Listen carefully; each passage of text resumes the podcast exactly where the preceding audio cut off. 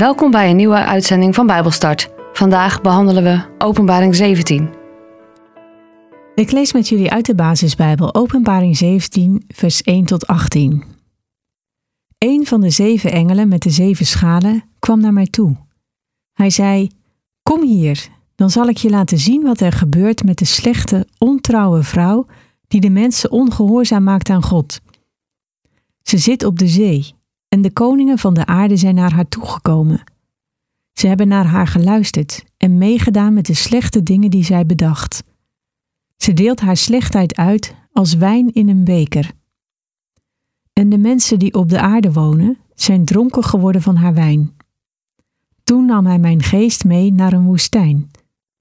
Daar zag ik een vrouw op een vuurrood beest zitten. Het beest was volgeschreven met namen die God beledigen. Het had zeven koppen en tien horens. De vrouw had dure kleren aan en droeg sieraden van goud, edelstenen en parels. In haar hand hield ze een gouden beker vol wijn, de vreselijke dingen die ze deed.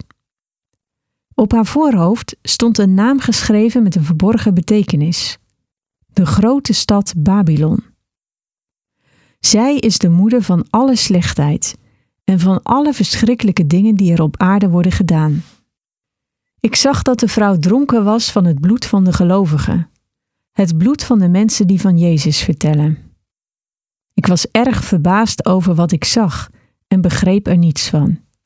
De engel zei tegen mij: Waarom ben je zo verbaasd? Ik zal je vertellen wat de betekenis is van de vrouw, van het beest waar ze op zit, van de zeven koppen en van de tien horens. Het beest dat je zag, was er eerst, maar is er nu niet. Het zal uit de bodemloze put komen en het zal vernietigd worden. En de mensen die niet vanaf het begin van de aarde opgeschreven staan in het boek van het leven, zullen verbaasd zijn als ze het beest zien. Want het was er eerst en is er nu niet, maar is er toch. Er is wijsheid voor nodig om het volgende te begrijpen. De zeven koppen zijn zeven bergen waarop de vrouw zit. Ook zijn het zeven koningen. Met vijf van hen is het al afgelopen. Eén heerst nog en één moet nog komen. Wanneer hij komt, zal hij maar een korte tijd regeren. En het beest dat er was en er nu niet is, is een achtste koning. Maar hij is ook een van de zeven koningen en hij zal vernietigd worden. De tien horens die je zag, zijn ook tien koningen. Ze regeren nog niet, maar zullen één uur lang de macht krijgen, samen met het beest. Ze hebben allemaal hetzelfde plan en geven allemaal al hun macht en kracht aan het beest. Ze strijden tegen het lam, maar het lam zal hen overwinnen, want hij is de machtigste Heer en de hoogste koning. Hij zal overwinnen samen met de mensen die bij hem zijn in de strijd. Zij zijn door hem uitgekozen en horen bij hem en zijn trouw aan hem. De zee waarop je die slechte vrouw zag zitten, zijn stammen en landen en volken en talen.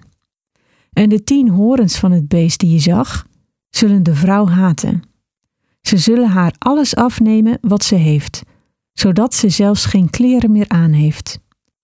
Ze zullen haar vlees opeten en de resten verbranden.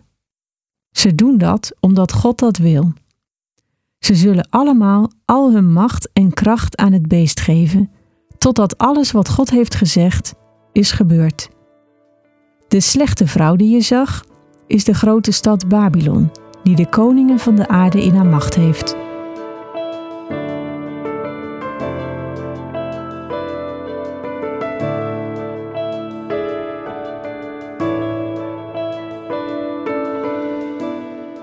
In het vorige hoofdstuk hebben we gelezen over de laatste oordelen over de aarde, uitgevoerd door zeven engelen door middel van zeven schalen. Ze laten deze schalen leeglopen. In vers 19 lazen we over de vernietiging van Babylon. Het viel in drie delen uit elkaar en kreeg wat het verdiende. In openbaring 17 en 18 krijgt Johannes een gedetailleerder beschrijving. Deze toelichting komt van een van de engelen met de schalen. En dat betekent dat die engel erbij betrokken is en hij weet dus waar het over gaat.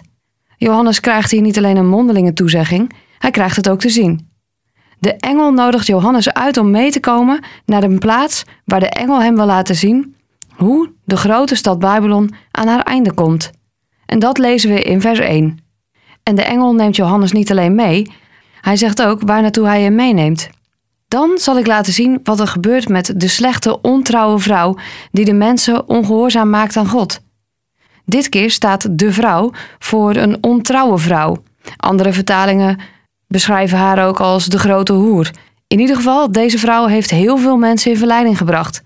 Zij heeft ervoor gezorgd dat normen en waarden vloeibaar geworden zijn. De standaard is een beetje ja, omlaag gegaan, beetje bij beetje. Zijn mensen gewend geraakt aan immorele dingen. Je zou kunnen zeggen dat Babylon het Romeinse Rijk vertegenwoordigt. Het vroegere Romeinse keizerrijk met zijn vele afgoden en gruwelijke moorden op christenen. Er kleefde bloed aan hun handen. Rome gebruikte bizarre methoden om er zelf beter van te worden. De vrouw verleidt mensen mee te doen in immorele dingen. Ze doet alsof het voor de goede zaak is. Ze bespeelt leiders en heeft ze in haar macht. En weet je, als je maar lang genoeg in een immorele wereld leeft, ga je het vanzelf heel normaal vinden. Blijf dus waakzaam. Blijf aan God vragen of het naar zijn plan en zijn wil is. Of God echt geëerd wordt met dat wat jij wil gaan doen. Zou jij God uitnodigen bij alles wat je doet? Er is een groot verschil tussen deze vrouw en de vrouw die de bruid is. Waar deze vrouw, die hier de hoer genoemd wordt, staat voor immorele dingen, staat de bruid juist voor zuiverheid en gehoorzaamheid aan God. De eerste lezers, de eerste christenen die dit boek lazen, zullen in deze beschrijving van Babylon meteen het Romeinse Rijk herkend hebben. De jacht op christenen, verleiding, immoraliteit, slechtheid, leugens. Maar als je dit rijtje zo hoort, dan is het toch eigenlijk de beschrijving van elke vijand van God. In vers 3 lezen we dat de engel Johannes meeneemt naar de woestijn. Alsof hij een visioen in een visioen ziet. En ik weet niet of jij wel eens gedroomd hebt dat je droomde. Ik in ieder geval nog nooit. Maar volgens mij moet dat echt een hele vreemde gewaarwording zijn. De engel neemt Johannes mee naar de woestijn. Het rode beest dat beschreven wordt, die zijn we al eens een keer eerder tegengekomen. Namelijk het beest in openbaring 13, vers 1 tot en met 8. Of juist de draak uit hoofdstuk 12, vers 3. Oftewel de belichaming van Satan. Het feit dat de vrouw op het beest zit, geeft aan dat ze gezag heeft. Gezag over al die koningen en landen. Want de wereldleiders hebben haar benaderd. Ze denken dat ze haar nodig hebben. Ze doorzien haar slechte bedoelingen nog niet. Dat komt pas in vers 16, waar ze zich allemaal tegen haar keren en haar ombrengen. En het beest was volgeschreven met dingen die God beledigen. Ook zoiets bijzonders. Maar wat ook bijzonder is, is dat we in vers 6 lezen dat de vrouw dronken is van bloed van gelovigen. In de hele kerkgeschiedenis zijn Gods kinderen gedood, gemarteld en vervolgd vanwege hun geloof. Ook vandaag de dag worden Joden en christenen de gruwelijkste dingen aangedaan omdat ze in God geloven. We kennen de verhalen uit Noord-Korea, China, Pakistan, nou ja, noem maar op. Het bloed van deze mensen is vergoten omdat ze in God geloofden. En het feit dat de vrouw dronken is van het bloed van deze gelovige mensen, laat zien dat zij geniet van alles wat het kwaad doet. Ze denkt dat ze alles onder controle heeft. En dat is ook niet nieuws. Hoeveel mensen die dronken zijn, zijn niet overmoedig? Denken ze dat ze de hele wereld aan kunnen? Totdat ze opstaan. Daarna verliezen ze snel hun evenwicht. En dat zien we uiteindelijk ook bij deze vrouw gebeuren. Uiteindelijk wordt ze verslagen. Vers 8 is een behoorlijk cryptische beschrijving. Het beest dat je zag was er eerst, maar is er nu niet. Het zal uit de bodemloze put komen en het zal vernietigd worden. En de mensen die niet vanaf het begin van de aarde opgeschreven staan in het boek van het leven, zullen verbaasd zijn als ze het beest zien. Want het was er eerst en is er nu niet, maar is er toch. Als je daarover nadenkt, ja, dan gaat het je misschien wel dolle in je hoofd. Het beest zat in de bodemloze put en het feit dat hij daaruit opkwam symboliseert de hardnekkigheid van het kwaad. En misschien herken je dat ook wel bij jezelf. Dat je ergens met een verlangen, een lust, een zonde afrekent en dat je merkt dat het continu weer terugkomt. De meeste mensen die een verslaving hebben en dat toegeven, zullen zeggen dat ze ook weten dat het niet goed is, maar dat toch elke keer het verlangen naar datgene toch hardnekkiger is dan het niet willen. En dit beest en deze vrouw bundelen hun kwade krachten. En dat niet alleen. We lezen dat alles wat slecht is zich samenvoegt tot een verschrikkelijke, onbeschrijfelijke slechtheid. Over de versen 9 tot en met 12 zijn de meeste Bijbeluitleggers het wel eens dat dit onder andere een verwijzing naar Rome is. De stad is beroemd om de zeven heuvels. Veel mensen zeggen dat Rome sowieso alles symboliseert wat slecht is in deze wereld. Elke persoon, elke religie, elke groep, regering of regelgeving die tegen Jezus is, wordt gesymboliseerd in het beeld van Rome. Hoe ook tegen de zeven heuvels en de zeven koningen wordt aangekeken, dit vers of deze versen geven het hoogtepunt aan van Satans strijd met God. De macht van het kwaad is nog steeds beperkt en we zullen zien dat de vernietiging dichtbij is. De tien horens vertegenwoordigen de koningen die nog zullen komen. Rome zal door andere machten worden opgevolgd. Rome was een goed voorbeeld van hoe het systeem van de antichrist zal werken. En het vraagt een bizarre loyaliteit, ook als je het niet vertrouwt, en het zal heersen door middel van slavernij, onderdrukking, uitbuiting en bruut geweld. Maar die tien koningen, wie ze ook zijn, ze zullen allemaal hun macht aan het beest of aan de antichrist geven en daardoor oorlog voeren tegen het lam. En dan in vers 16, dan lezen we ineens een verandering, een verandering van richting. Ineens zie je dat de bondgenoten zich tegen de vrouw keren en haar vernietigen. En dit is precies hoe het kwaad te werk gaat. Het roept iedereen en alles bij elkaar om de krachten te bundelen en dankt dan zijn eigen leden af als ze niet meer voldoen aan zijn flexibele wensen. En met flexibel bedoel ik dan dat het kwaad zijn doelstellingen om het minste of geringste kan wijzigen. En als je dan dus niet mee kunt bewegen, dan word je gewoon afgedankt. En dit soort trouw of loyaliteit is een lastig soort. Want elk bondgenoot zet natuurlijk zijn eigen belang voorop. Nou, weet je wat nou zo bijzonder is? In vers 17 lezen we dat ze dit allemaal doen omdat God dat wil. Ze zullen allemaal al hun macht en kracht aan het beest geven, totdat alles wat God heeft gezegd is gebeurd. En dit is dan iets wat God wil dat er gaat gebeuren. Nee, deze ellende had God niet gewild. Maar God heeft wel voorspeld en heeft laten vertellen wat er allemaal gaat gebeuren.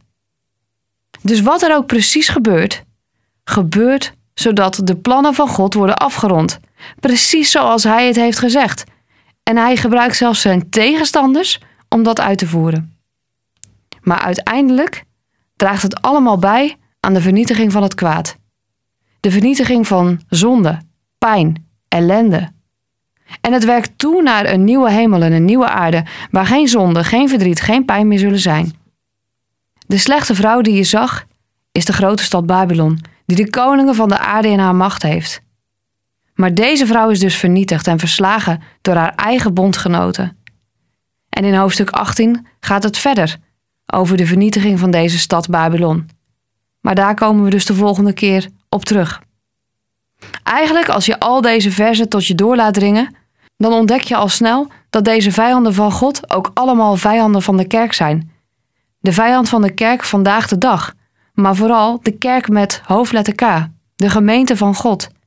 Het beest, de valse profeet en de prostituee zijn allemaal vijanden van onze kerk. Het beest is eng, maar doet misschien niets. Het is vooral gericht op intimidatie. De valse profeet, of eigenlijk de valse profeten, die bij tijd en wijle opstaan, verkondigen een valse leer. En dit is schadelijk. Schadelijk voor de kerk, want het kan verdeeldheid brengen. En deze vrouw of de prostituee staat voor pakken wat je pakken kan, eigen genot. Keer op keer lezen we dat God alles in zijn hand heeft. Dat God een plan heeft met deze wereld. Maar ook nog steeds oog heeft voor de mensen die bij hem horen. Elke keer lazen we van de mogelijkheden die God de mens geeft. Ook als die mensen niet in hem willen geloven. En het lijkt nu dat de vrouw verslagen is door haar eigen bondgenoten en daarmee het verhaal zijn afronding vindt. Maar dat is nog niet waar. In de volgende uitzending gaan we daar ook verder mee. Maar uiteindelijk stijgt boven alles uit dat wat het kwaad ook doet, hoe heftig het ook tekeer gaat, wij een hemelse Vader hebben die voor ons pleit en voor ons strijdt. Dankzij het zegel zijn wij beschermd. En in zijn bescherming zijn we veilig.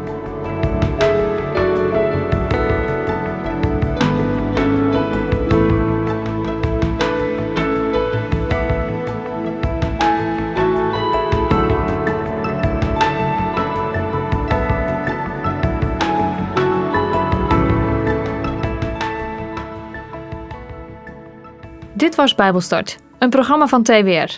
Het is gebaseerd op het Amerikaanse programma Through the Bible, ook wel TTB genoemd. En deze uitzending is een samenvatting van twee afleveringen.